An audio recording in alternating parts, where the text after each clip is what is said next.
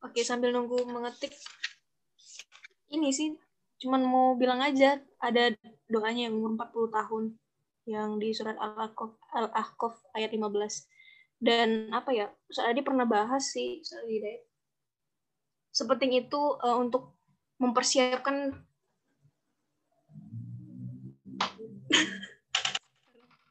Bentar ya. Pasti GoFood nih. Pasti GoFood. Ya udah guys, ganti dulu. Siapa Mbak Iil? Mbak Iil. Ganti dulu Teh Najmah tadi ada panggilan.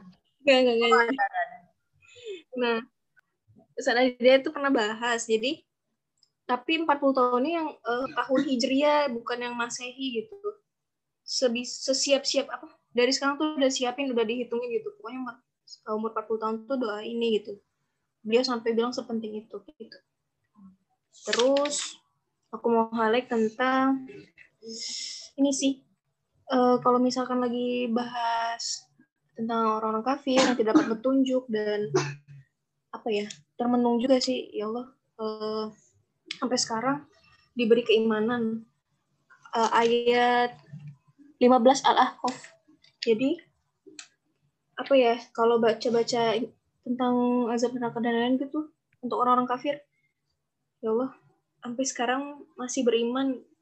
Mohon jaga gitu sampai apa ya termenung ke situ sih. Karena nggak tahu ke depannya gimana atau gimana itu cuma bisa minta perlindungan dari Allah gitu. Karena apa ya lagi beriman aja kadang suka hilaf gitu berdosa dan lain-lain gitu. Apalagi sedang tidak beriman bisa tertutup telinga, penglihatan, dan hati kan tadi disebutkan gitu. Itu sih. Terima kasih. Aku nyambung dari Najma. Gak tahu sih nyambung apa enggak sebenarnya. Cuman beberapa hari ini aku kan kalau kelas pagi nggak kondusif ya, tapi alhamdulillah kelas sore aku bisa nyimak gitu. Terus aku tuh kayak nemuin apa ya pattern kali ya pola. Kayaknya tuh kalau di Al-Quran tuh ini yang ini di apa ya ini di surat Fatir jadi kayak setelah Allah tuh menggambarkan uh, kenikmatan dan keindahan surga gitu.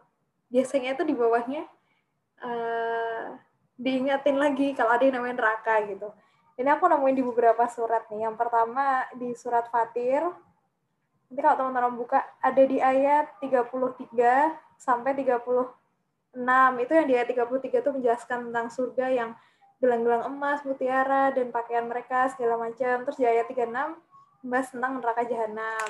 Terus ada lagi di sebentar. Di surat uh, apa ini tadi? Oh ini.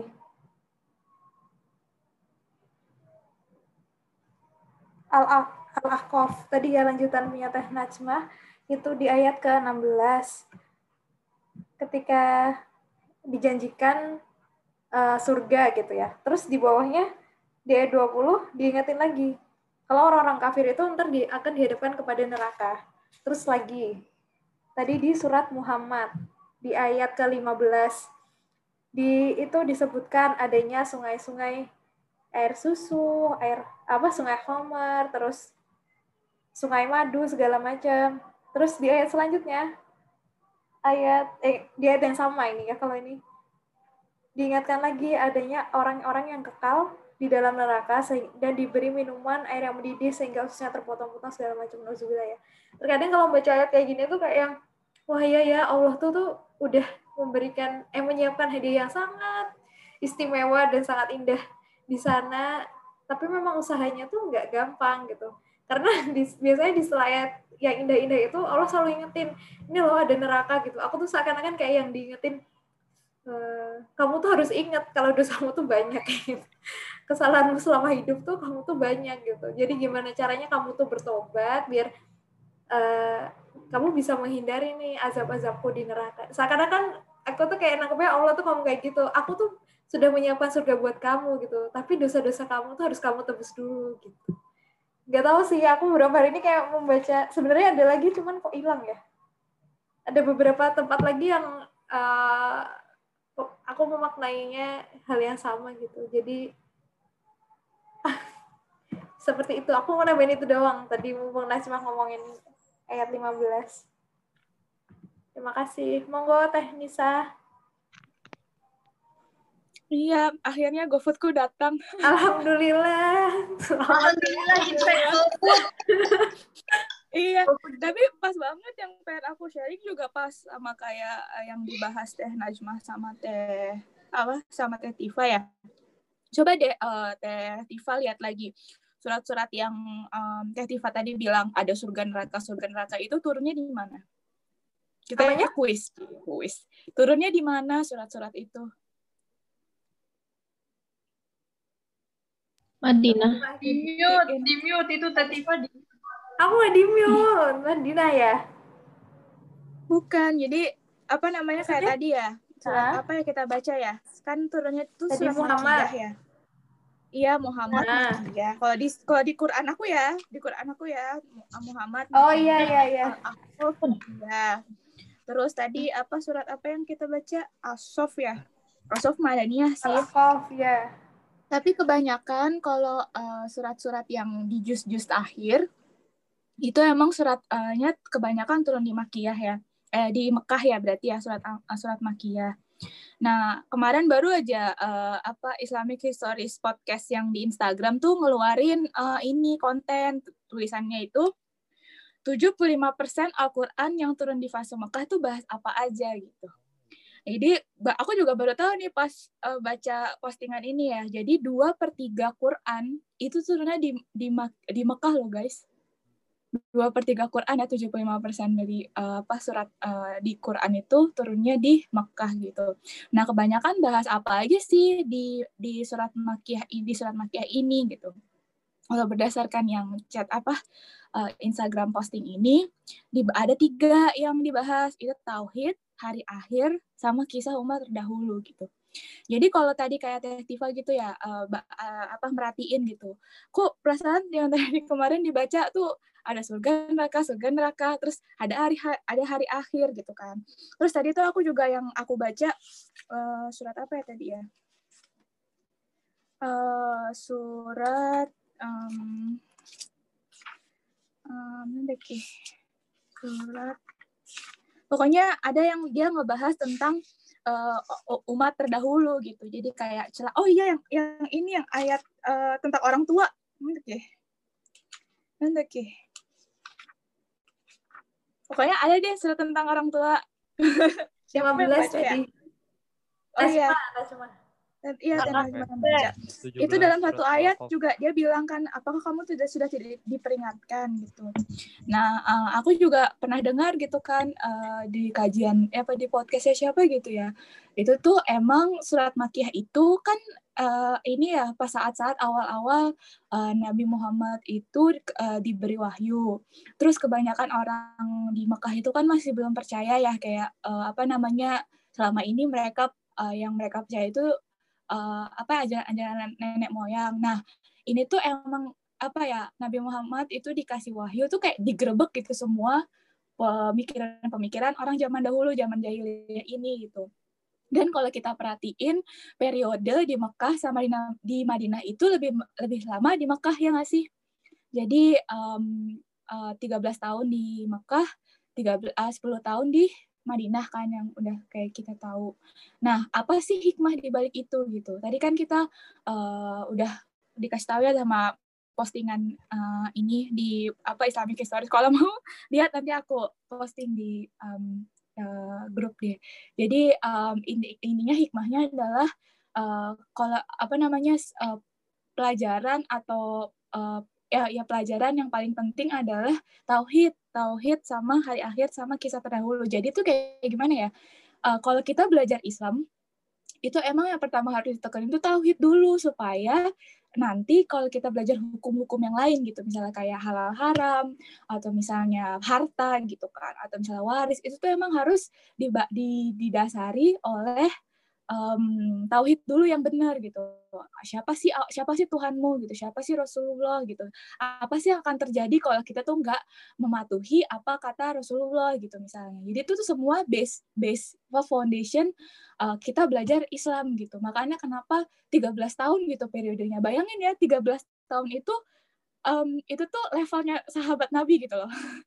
yang kita tahu apa imannya tuh pelan-pelan banget gitu. Jadi jangan um, apa ya kalau menurut aku sih ya kalau ada ketemu orang tiba-tiba dia marah-marah atau misalnya kamu kok nggak juga atau kamu kok nggak apa ya istilahnya ya. Kalau aku sih nangkepnya kayak belum belum inilah gitu tauhidnya gitu. Seringnya nyala nyalain orang gitu. Kalau menurut aku ya kita sebagai yang melihat gitu ya jangan dicontoh gitu kan yang yang terlalu cepat menjudge gitu tapi balikin kita ke diri kita sendiri. Apakah kita juga sebagai orang yang cepat ngejudge ke orang lain gitu? Karena sebenarnya kan sebelum kita menerima hukum atau menerima apa istilahnya ya di dalam Al-Qur'an gitu ada aturan-aturan gitu kan. Nah itu tuh harusnya dibalikin lagi ke kita gitu. Apakah pendirian kita basic kita foundation kita tentang uh, tauhid gitu kan itu tuh udah benar apa belum? Udah lurus belum akidah kita gitu? Karena ya banyak orang yang terlalu fokus sama hukum terlalu fokus sama apa istilahnya ya aturan-aturan padahal um, apa tauhidnya tuh kadang kelihatan gitu kalau belum di, terlalu dipahami gitu kalau menurut aku sih ya gitu. Jadi benar banget tadi yang dibahas sama Teh Tifa gitu apa uh, banyak gitu di surat-surat yang nanti kita baca karena udah mulai juz 25 ke ke belakang gitu ya. Itu bahas tentang surga neraka terus balasan orang-orang yang kafir terus kayak tadi kan dibahas langsung uh, dari surga abis itu ayat selanjutnya langsung dibahas neraka gitu atau nggak misalnya abis bahas orang-orang kafir terus kecuali bagi orang yang beriman atau bagi, kecuali bagi orang yang bertakwa terus langsung dibahas tentang um, apa surga gitu jadi itu yang pengen aku tambahin satu itu aja sih bukan ayat sih tapi lebih ke kayak surat-surat yang diturunkan di Mekah itu emang banyak yang ngebahas tentang itu gitu. Sekian, terima kasih. Tambahin dikit. Di, di sini juga aku lupa berapa tadi ya. Jadi sampai mereka tuh nantangin mana sini azab Allah gitu kayak malah lebih parah gitu maksudnya e, cara mereka untuk menentang agama Islam gitu. Lebih tidak beradab lagi tapi e, para para nabi dan rasul tuh bisa lebih sangat beradab gitu. Berarti berarti kita apa lebih koreksi diri sih berarti kita yang kurang sabar gitu.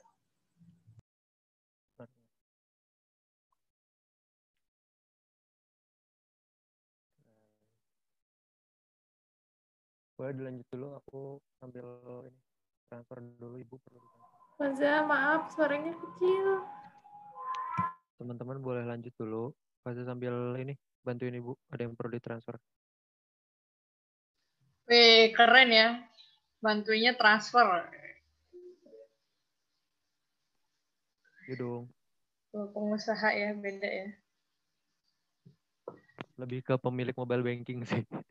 Mau pengusaha. Ini pengusaha konveksi, kalau aku pengusaha koplak sih. Waduh. Ayo, ayo, yang lain insight. Sedikit lagi guys. Bakti dibaca. Eh? Oh punya Kang Bakti boleh nih terlalu bentar ya. Aku bacain nih. Ah, boleh tar dulu. Jazakillah khairan. Last but not least yang dari situ. Nah, betul. Apa dari atas kalian merasa nggak sih banyak ayat yang akhirnya bagi kaum berpikir supaya kalian berpikir. In case di sini kita tuh disuruh banyak tafakur berpikir dan merenung karena itu juga salah satu metode untuk dapat untuk dapat untuk dapat bentar untuk dapat ibrah buat kuatin sisi pengetahuan kita. Ibnu Qayyim dalam kitab Miftah dan As-Sa'adah berpikir akan membuahkan membuahkan uh, pengetahuan pengetahuan akan melahirkan perubahan keadaan pada hati perubahan keadaan hati akan akan susah banget baca ya di sini. Sorry, sorry, bentar. Nah, keadaan hati, perubahan keadaan hati akan melahirkan kehendak, kehendak akan melahirkan amal perbuatan. Jadi tafakur itu termasuk amalan hati yang paling utama dan bermanfaat. Tafakur bisa mengubah mengubah kelalaian menjadi kesadaran dari hal yang dibenci Allah menuju hal yang dicintainya, dari ambisi keserakahan menuju juhud dan kona'ah, dari penjara dunia menuju keluasan akhirat. Karena dengan tafakur seorang bisa melihat potensi tipu daya setan dan sadar akan bujuk rayu setan eh sesat setan. Last but not least, wah ini panjang juga ya last but, but not least-nya. Last but not least, selama mengalami menyelami diri dengan keheningan saudaraku, wah saudaraku ya, saya tidak bersaudara, ketika terus mencari jawaban di riuhnya dunia, namun lagi-lagi hanya menemukan kehampaan tak bertepi, masuklah ke dalam keheningan batin dan belajar mendengarkan suara diri jawaban itu sedang menanti di sana. Wih. Bagus nih. Dah kopas, kopas, kopas ke grup, kopas guys. Tolong, tolong diamankan, tolong. Tolong amankan, amankan tim buku, tim buku. Oh iya, itu tadi katanya postingan yang tadi dibahas sama Teh Anis sudah dikirim ke grup. Boleh dibaca. So, kali ya, yang tadi yang Wido. Jadi benar kata sejalan sama apa yang disampaikan sama Teh Anis di Ahlan Batch 1 waktu kemarin, itu Ustadz Wido nyampein soal uh, apa ya, pembabakan kali ya, pembabakan bahasan dari turunnya Al-Quran. Di 13 tahun pertama benar di, disampaikan bahwa banyak-banyak uh, bahasan terkait dengan surga neraka, surga neraka, surga neraka.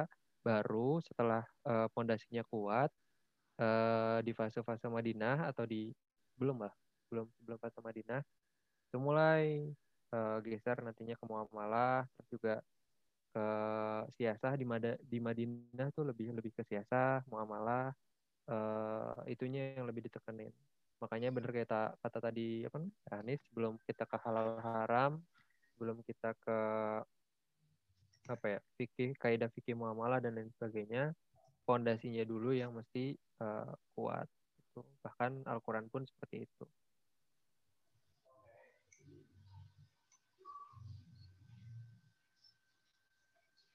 ada rekamannya nggak ya? Semoga sih ada. Nanti kita coba tanya ke apa namanya? Ke Bapak Kepsek. Beliau salah satu ustadz yang jadi pemateri di Alan School Batch 1. Nah, salah satu warisannya adalah yang ada kalau teman-teman ada yang baca baca yang ada tuh ada ikut kelas di virtual room virtual class itu juga dari beliau Tuh. Mangga ada yang mau lanjut? Ada yang punya bahasan lagi yang di highlight di highlight? Uh, aku lah, aku lah, aku lah. Boleh, boleh. Aku mencoba meng-highlight uh, yang apa ya, yang Kang Bakti.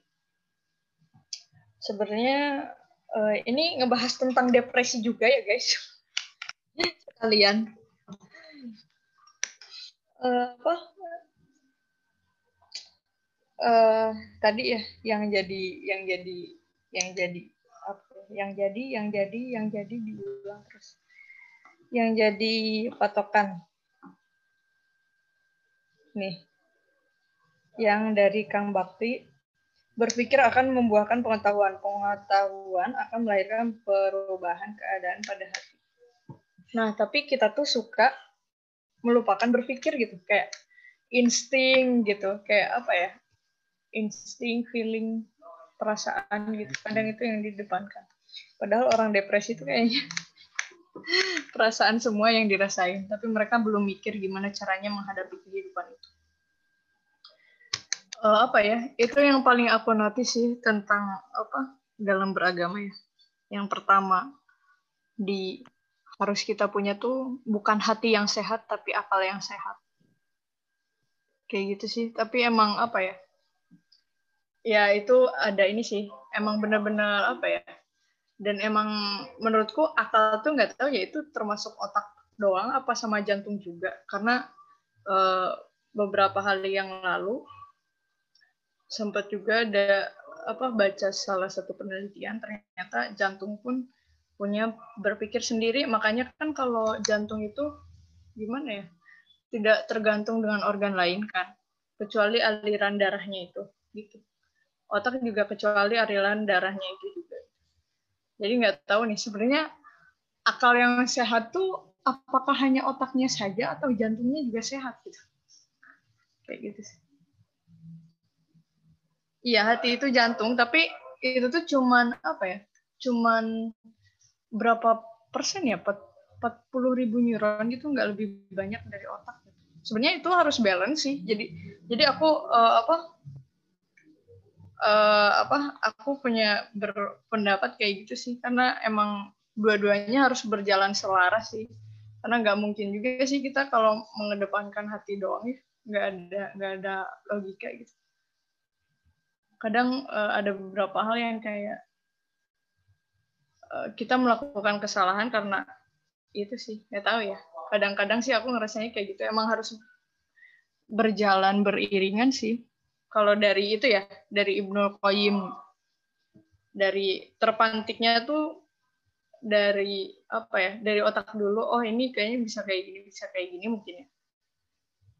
Karena ada pengetahuannya kan cari dulu cari dulu Faza lebih cenderung kepada itu sih keselarasan ketimbang salah satu yang lebih diutamakan. Pun kalau misalkan ada salah satu yang lebih diutamakan, uh, lebih pada hati karena ketika sense itu kan justru adanya di hati. Kadang-kadang kita mikir uh, apa ya, saran dan kebijakan, uh, denda dan lain sebagainya, tapi sense nggak main, ya bodo amat gitu. Ini kan demi demi efektivitas dan lain sebagainya, tapi dan saya nggak main hatinya main akhirnya semuanya segala jajar. Keselarasan penting saja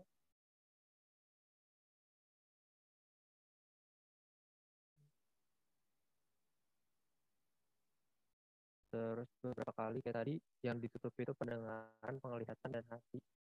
Masih di garis bawah juga. Kenapa di situ nggak ada otak Nah, ini bantu sama TVT ada di ada di buku keajaiban hati yang ditulis Imam Ghazali. Emang filsafat banget. Terus juga kalau yang tadi Faza ceritain, uh, nge-refer sama ayat yang boleh kita baca. Uh, buat teman-teman yang belum dikasih petunjuk kan yang tutup itu mata apa penglihatan, pendengaran dan hati. Kita mesti mesti guys bawain kenapa di situ nggak ada otak. Makanya ketika ditanya kecenderungannya harus misalkan ditanya gitu juga cenderung memilih hati yang lebih utama atau atau otak gitu. Padahal cenderung memilih hati. Hmm, Allah alam saya mau. Ini siapa? Oh Teh Il. Tafadol Teh.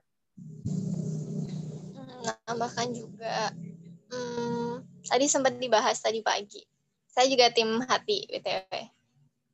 Tapi bukan berarti kita tuh nggak berpikir gitu sih, memang ya, benar. Hmm, saya tim hati, kayak tadi uh, diulangi lagi analoginya Bang Aat, hati itu kayak transmitter kalau dalam sistem penerbangan pesawat terbang. Jadi apa tadi transmitter Teh Najmah? Dia remote control, dia yang tugasnya mengirim sinyal ke apa sih ada namanya tower gitulah kalau dalam sistem penerbangan. Nah, yang ngirim sinyal ini si hati itu.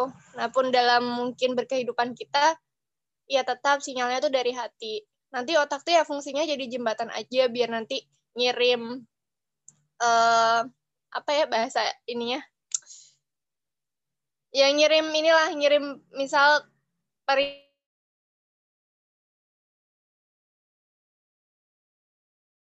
inian tubuh ya. Otak itu uh, bergantung banget loh ke jantung asli. Ini kalau dalam ini tubuh ya karena ya jantung itu sumber peredaran darah. Otak tuh kalau nggak dapat darah dari jantung nggak ada oksigen ya udah nggak bisa berpikir juga gitu. Ini kalau misal secara sains nah ya saya di aku mau nanyain dong kalau secara sains kayak gitu uh, aku sempat ada orang yang jantungnya masih jalan. Otaknya nggak jalan nih gara-gara ada virus gitu kan. Kayak error. Tapi jantungnya masih berdegup gitu ya. Berdebuk berdegup. Ah sih? Berdegup berdegup. Berdegup. Gitu. Masih berdetak gitu. Nah itu lebih aman. Gimana? Kayak gitu ya. Terus aku yang mau pikirin gitu ya kenapa kalau misalnya jantung yang paling utama, kenapa otak nggak bisa diamputasi, tapi jantung bisa ditransplantasi. Dan jantung tuh kalau misalnya di luar kepala, dia masih bisa untuk dikasih dikasih darah itu dia masih berdetak gitu. Terus eh, apa? Tapi kalau otak cobain keluarin masukin ke robot atau ke otak orang lain. Itu kayaknya nggak bisa deh.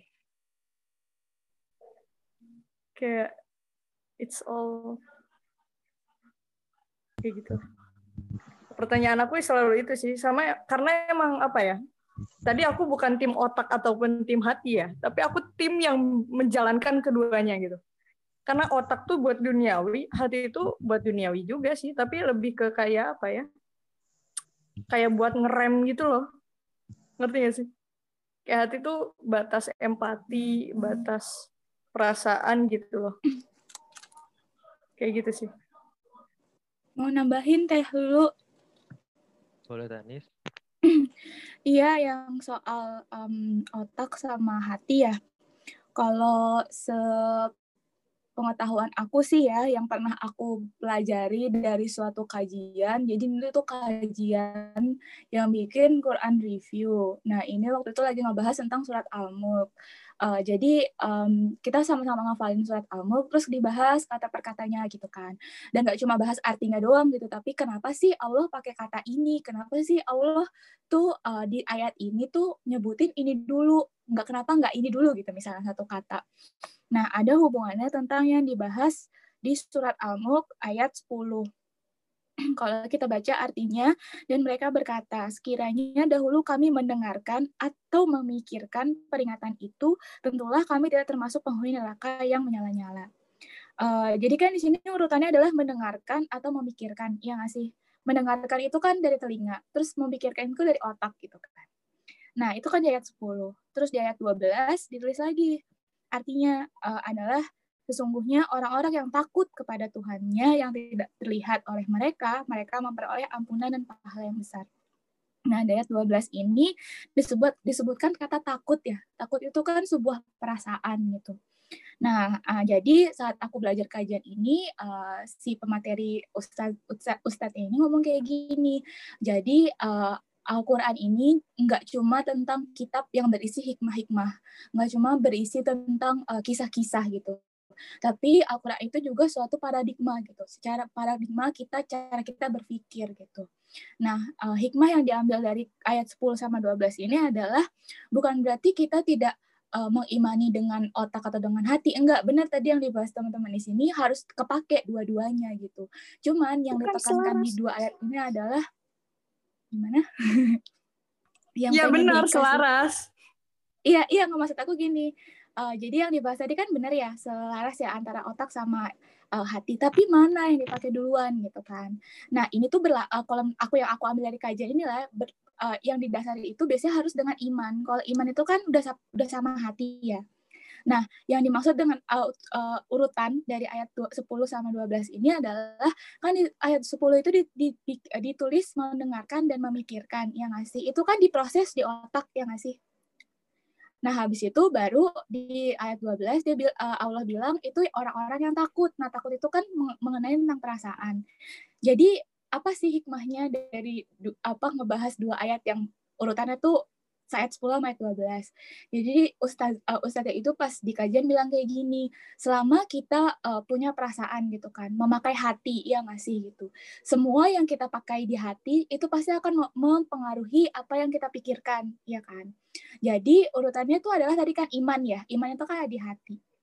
Nah, kalau misalnya kita hati kita itu sudah uh, apa namanya ya dengan dengan iman gitu, itu sudah baik gitu. Contohnya gini deh, orang yang marah gitu kan, orang yang marah itu kan um, udah nggak bisa diatur ya, maksudnya gimana ya? Dia tuh udah hatinya itu udah penuh dengan suatu amarah. Otomatis kalau misalnya dia akan berlaku sesuatu atau mengomong sesuatu, otak dia itu tuh udah nggak apa ya, udah nggak bisa dikontrol lagi gitu loh jadi maksudnya adalah gini, emang kita mencerna sesuatu itu dari otak dulu ya, mendengar, me- mendengar, melihat atau misalnya memikirkan itu dari dari panca indera dulu. Cuman kan yang memproses itu hati ya nggak sih? Jadi itu gimana ya? Pertama hati dulu.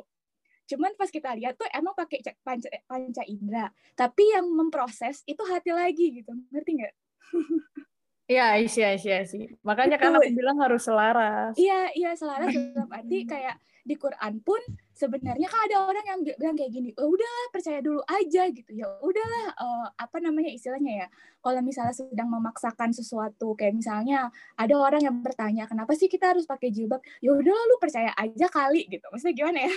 Maksudnya ada orang yang kayak dipaksakan imannya gitu, tapi emang harus disentuh dulu imannya gitu, disentuh dulu hatinya supaya hatinya itu sudah kayak gimana ya basicnya itu sudah baik gitu basicnya itu sudah em, beriman gitu. Nah nanti pas dia melihat oh ternyata eh, orang yang memakai jilbab itu tuh emang baik ya gitu kan. Kayak dia tuh bisa mencerna dengan panca indera dia sendiri mendengarkan dan memikirkan tadi kan urutannya. Baru deh apa yang dia lakukan apa yang dia em, apa namanya ya tampi, eh, tunjukkan di eh, perilaku dia melalui hati dia itu sudah baik gitu. Jadi gimana ya urutannya tuh gitu gitu di Quran. Gimana ya? Hati itu pertama tadi kan harus baik dulu. Nah pas kita mencerna nih di sekitar kita gitu. Misalnya kita lagi melihat uh, gunung gitu. Wah gunung tuh masya Allah gitu kan besar atau nggak indah atau langit itu baik gitu. Nanti pas hati kita sudah apa istilahnya secara iman itu sudah baik sudah uh, apa namanya basicnya sudah ada gitu kan iman di dalam hati kita iman kepada Allah yang diterima tuh juga baik gitu yang apa yang kita ambil dan dengan panca indera kita juga nerimanya juga baik gitu. Jadi gimana ya? Ya itu urutannya gitu. Maksudnya mungkin agak apa ya kurang di bisa dimengerti karena aku juga gimana ya dengar dari orang terus aku nyampein ke orang lain gitu. Kalian tuh harus denger kajiannya langsung Iya, supaya lebih ini gitu. Mungkin ada uh, next time gitu pas ada ustadz yang uh, bahas tentang tadi kan hati dan otak mungkin bisa ditanyain lagi kali ya gitu sih. Aku mau meluruskan ya guys, aku bukan pecinta otak ataupun hati karena aku nggak suka itu. Dari ayam pun aku nggak suka guys. Jadi aku sukanya tim paha. Nah, eh, jadi eh, apa? Sebenarnya yang aku pikirin tuh kayak gini, menyelaraskan hati sama menyelaraskan jantung. Karena gini, aku pernah membaca sebuah penelitian, tolong benarkan ya para psikolog, para psikolog dan juga anak-anak biologi.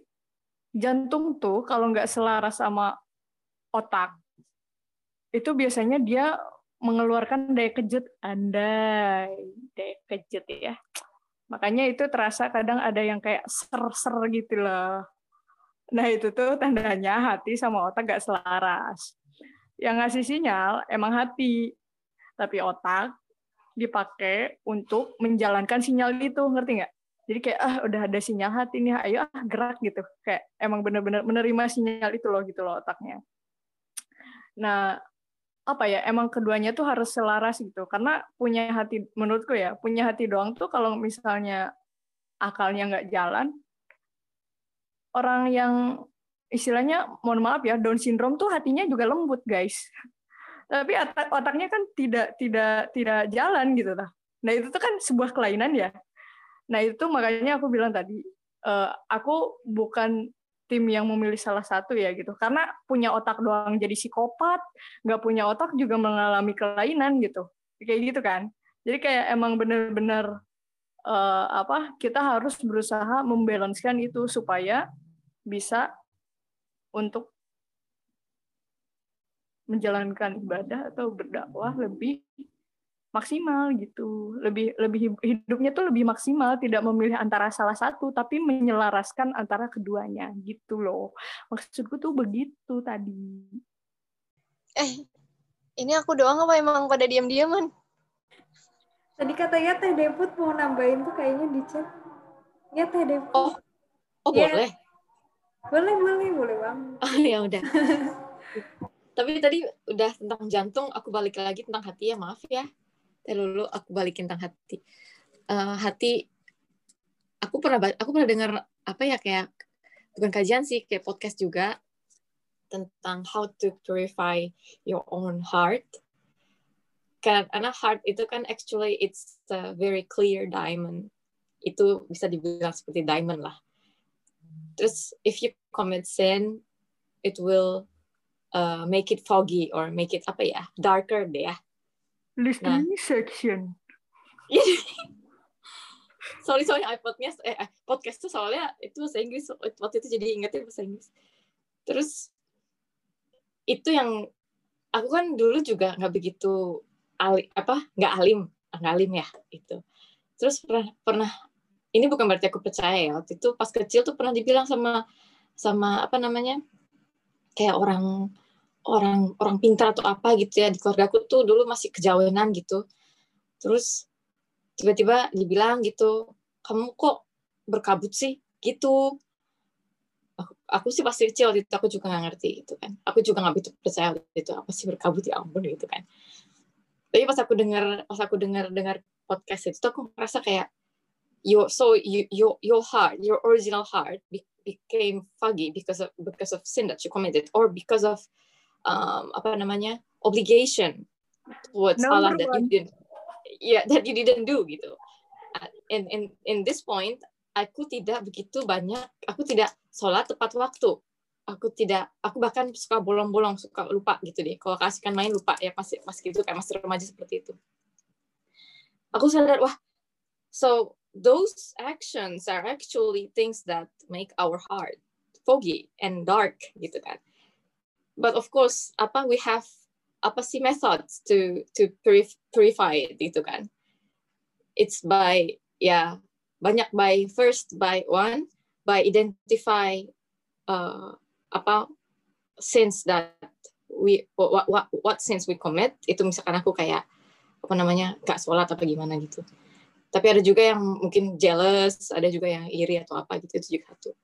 Terus kedua the second one itu uh, find the reason why you feel that way Terus the third one is try to by process yeah, try to uh, not eliminate like try to fade away from those uh, from those um, reasons why you you have that that sense gitu.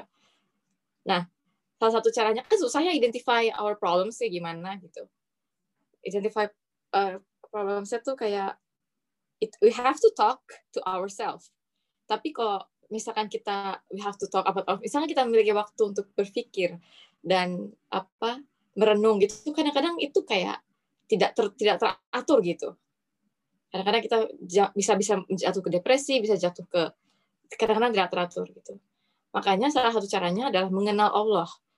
Dan mengenal mengenal dengan kita mengenal Allah kita akan tahu kita sendiri gitu itu yang aku aku dengar dari podcast itu ya salah satunya caranya adalah for less, one more. Apakah for less and one more ini? Less talking, less sleep, less food, less interaction with human being. This four less. And then one more. What is one more? More zikir. One remembering Allah. So that's how you can actually remembering Allah and then also reflect to yourself gitu. Jadinya di situ kayaknya cara-cara itu kayak itu cara sangat aplik, apa aplik, applicable banget untuk aku karena uh, bener sih kita tuh kadang-kadang berusaha untuk aktif sama orang-orang main ke sana main ke sini gitu. Sebenarnya itu mungkin melarikan diri gitu ya. Sebenarnya itu hanya melarikan diri. Oh apa tadi? Oh ya yeah. one less talk less food less eating and the third one is less sleep uh, but less interaction with human being. And one more remembering Allah by zikir or by anything, by reading Quran, by maybe by praying for forgiveness. That also works. Itu aja sih guys. How to purify your hearts. Ya, itu aja. Sekian dan terima kasih. Terima kasih, Teh. Ini siapa yang Terima kasih. Of course, thanks uh, to Mbak Deput. Saya lulus listening. Tadi Mbak, nomor ya. tiga, nomor C bener nggak?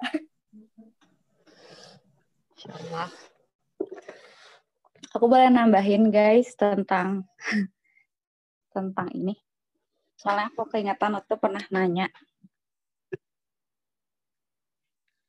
Cek-cek suaranya ada.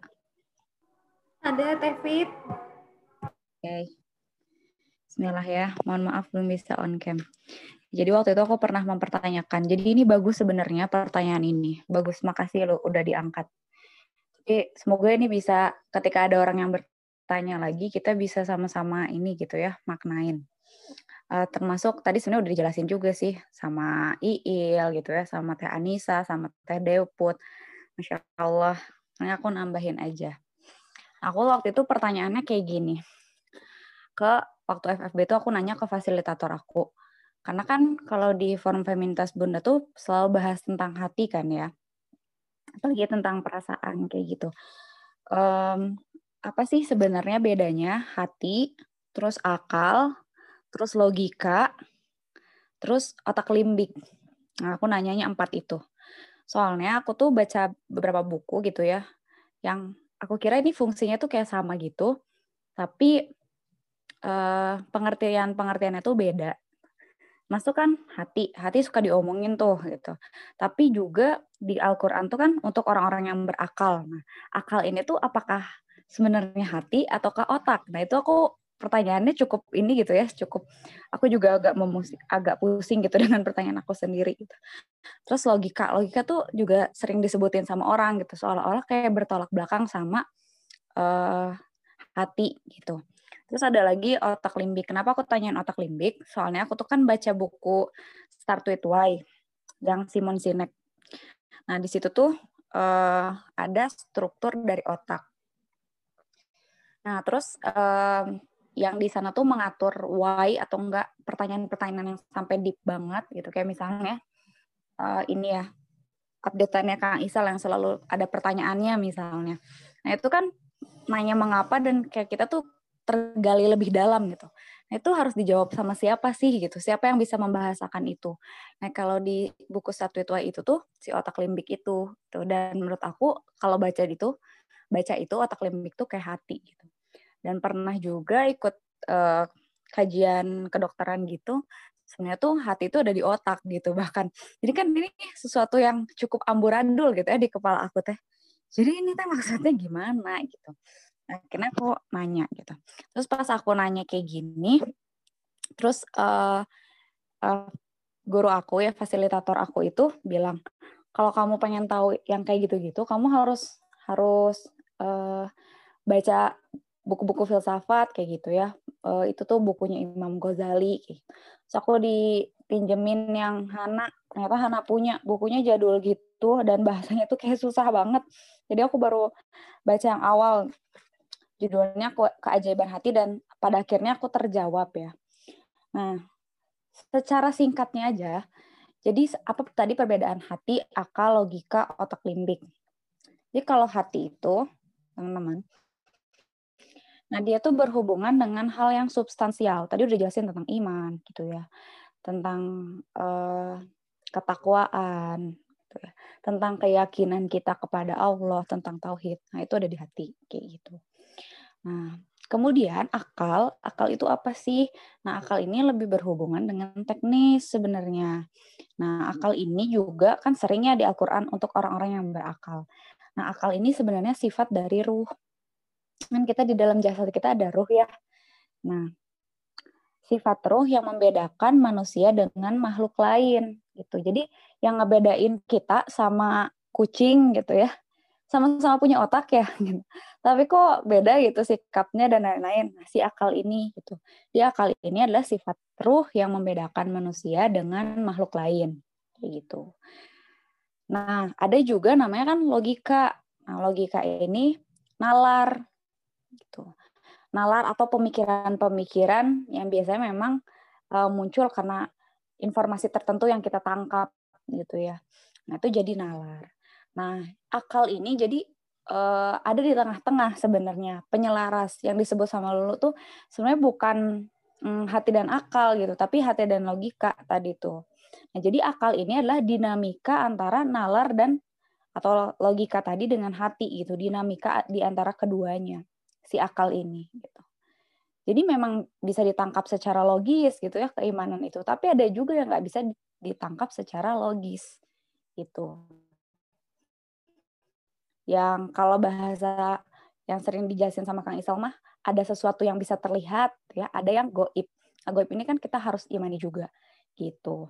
Nah terus aku teh nanya ya, eh yang otak limbik itu kan belum kejawab. Ya sebenarnya kita tuh nggak perlu sih tahu sampai detail letak-letak itu di mana. Soalnya tuh kayak buat apa gitu kata guru aku tuh. Soalnya indikasi adanya hati mah cuma satu, ya degup jantung gitu. Kalau jantung kita masih berdetak mah, insya Allah gitu ya, itu tuh masih ada hatinya gitu.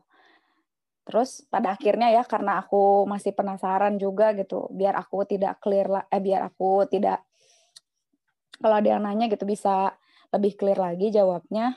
Nah, aku akhirnya membaca buku itu dan pada akhirnya aku mulai menangkap lah. Jadi hati itu adalah raja ya teman-teman. Kalau raja benar-benar kenapa sih disebutinnya hati dulu?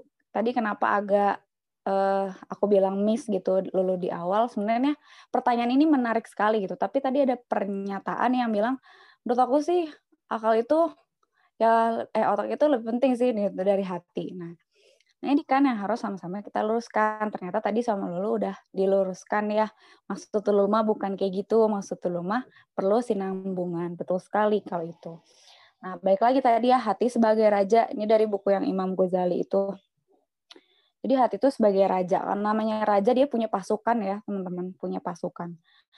Nah, jadi hati ini terdiri dari dua pasukan. Ada pasukan terlihat sama pasukan tidak terlihat.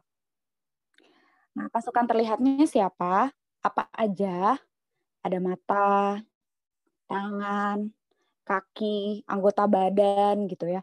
Organ-organ pun termasuk ini ya, eh, termasuk pasukan yang terlihat sebenarnya. Karena kan kalau di bedah kita masih bisa lihat ya, pasukan terlihat. Nah, Kemudian kalau pasukan tidak terlihat itu ada ada dua ada eh ada beberapa teman-teman pasukan tak terlihatnya. Yang pertama ada syahwat, terus ada amarah, terus ada ilmu, ada hikmah, ada tafakur, kayak gitu. Nah, jadi pasukan tidak terlihat ini yang eh, tadi ya pasukan yang tidak terlihat ini yang nggak bisa digambarkan gitu. Ya kan bagaimana bentuk dari syahwat? Nggak tahu gitu. Bagaimana bentuk dari amarah? Kita juga nggak tahu. Bagaimana bentuk dari ilmu? Nggak tahu gitu ya. Tafakur hikmah. Nah itu nggak tahu. Nah tapi pasukan tidak terlihat inilah gitu yang menjadi penting dalam berkehidupan gitu. Nah ada pasukan yang tidak terlihat ini terbagi dua, teman-teman. Pasukan yang tidak terlihat. Pasukan yang eh, tidak terlihat yang pertama itu pasukan tentara Allah. Makanya berupa apa? Pasukan tentara Allah berupa ilmu, berupa hikmah, berupa tafakur. Nah, itu tentara Allah. Yang istilahnya bisa kita uh, maknai sebagai keimanan ya tadi ketauhidan. Nah, itu pasukan tentara Allah. Terus ada juga syahwat dan amarah. Nah, kalau syahwat itu eh, syahwat dan amarah ini pasukan yang kadang-kadang bertemu tentara setan gitu. Sebenarnya mereka juga pasukan tentara Allah, tapi dua pasukan ini kadang-kadang bertemu tentara setan.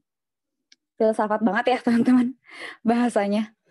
Ya, jadi pasukan yang kadang-kadang bertemu tentara setan. Jadi kayak bagian terluar lah yang sering ketemu sama uh, di perbatasan gitu ya ketemu sama musuh.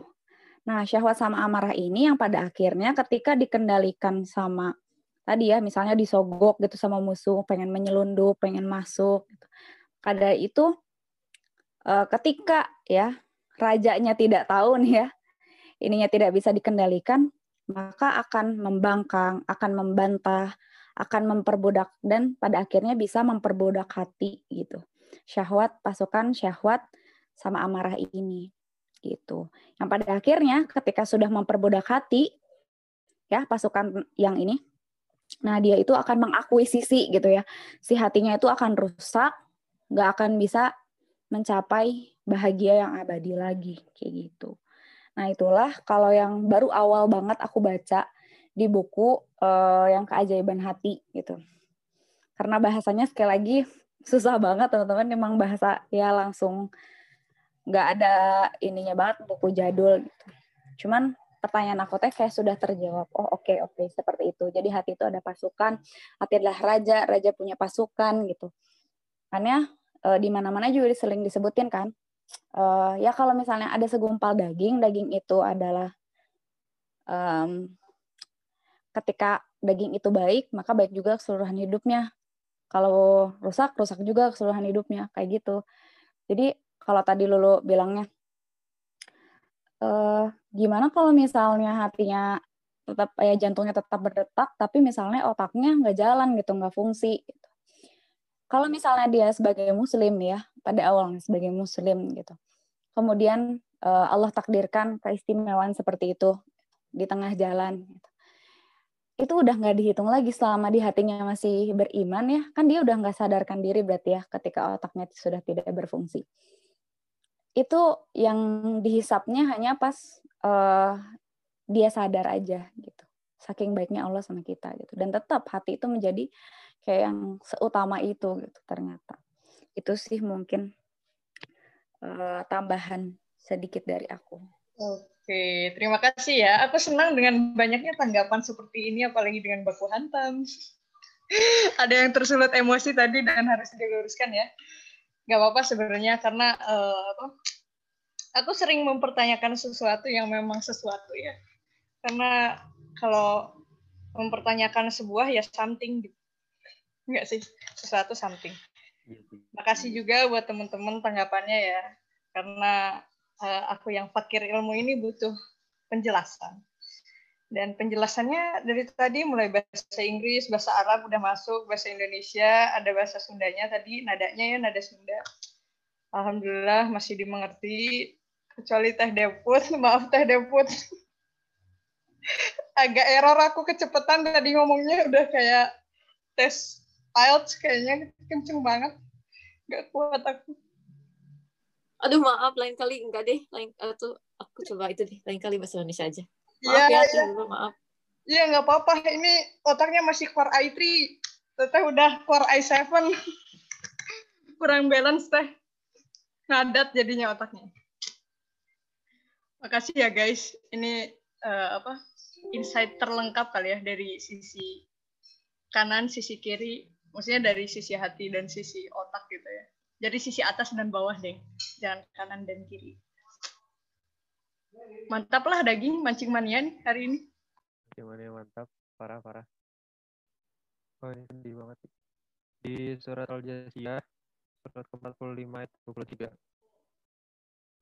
maka pernahkah kamu melihat orang yang menjadikan hawa nafsunya sebagai Tuhannya?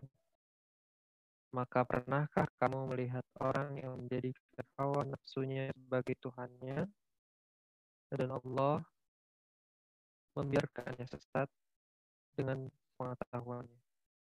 Dan Allah telah menguji pendengaran dan hatinya serta meletakkan tutup di atas penglihatannya.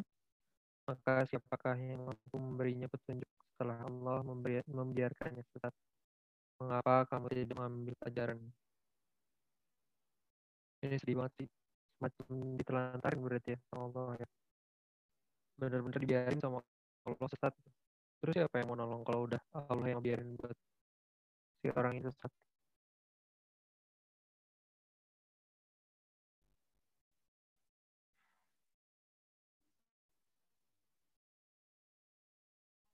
sama masih di surat yang sama di surat Zasiyah ini terkait dengan apa ya hal-hal yang menarik perhatian untuk berpikir uh, ayat kelima dan pada pergantian malam dan siang dan hujan turun Allah dari langit lalu dengan air hujan itu dihidupkannya bumi setelah mati atau kering dan pada kisaran angin terdapat pula tanda-tanda kebesaran Allah bagi kaum yang mengerti. Kalau langsung kebayang, kebayang itu sih monitor gede di BMKG gitu loh. Kisaran angin dan lain sebagainya. Sempat juga kemarin kita ngelihat eh ngelihat ngebaca soal bintang-bintang yang menjadi penunjuk.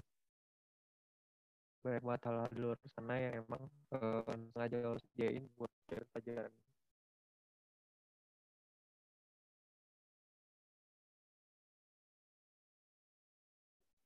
Kalau mau di reverse di reverse sampai ke ini. Fusilat 53 fusilat ya fusilat 3 terkait dengan tadi yang angin-angin kami akan perlihatkan kepada mereka tanda-tanda besar kami di zona penjuru dan pada diri mereka sendiri yang tadi pagi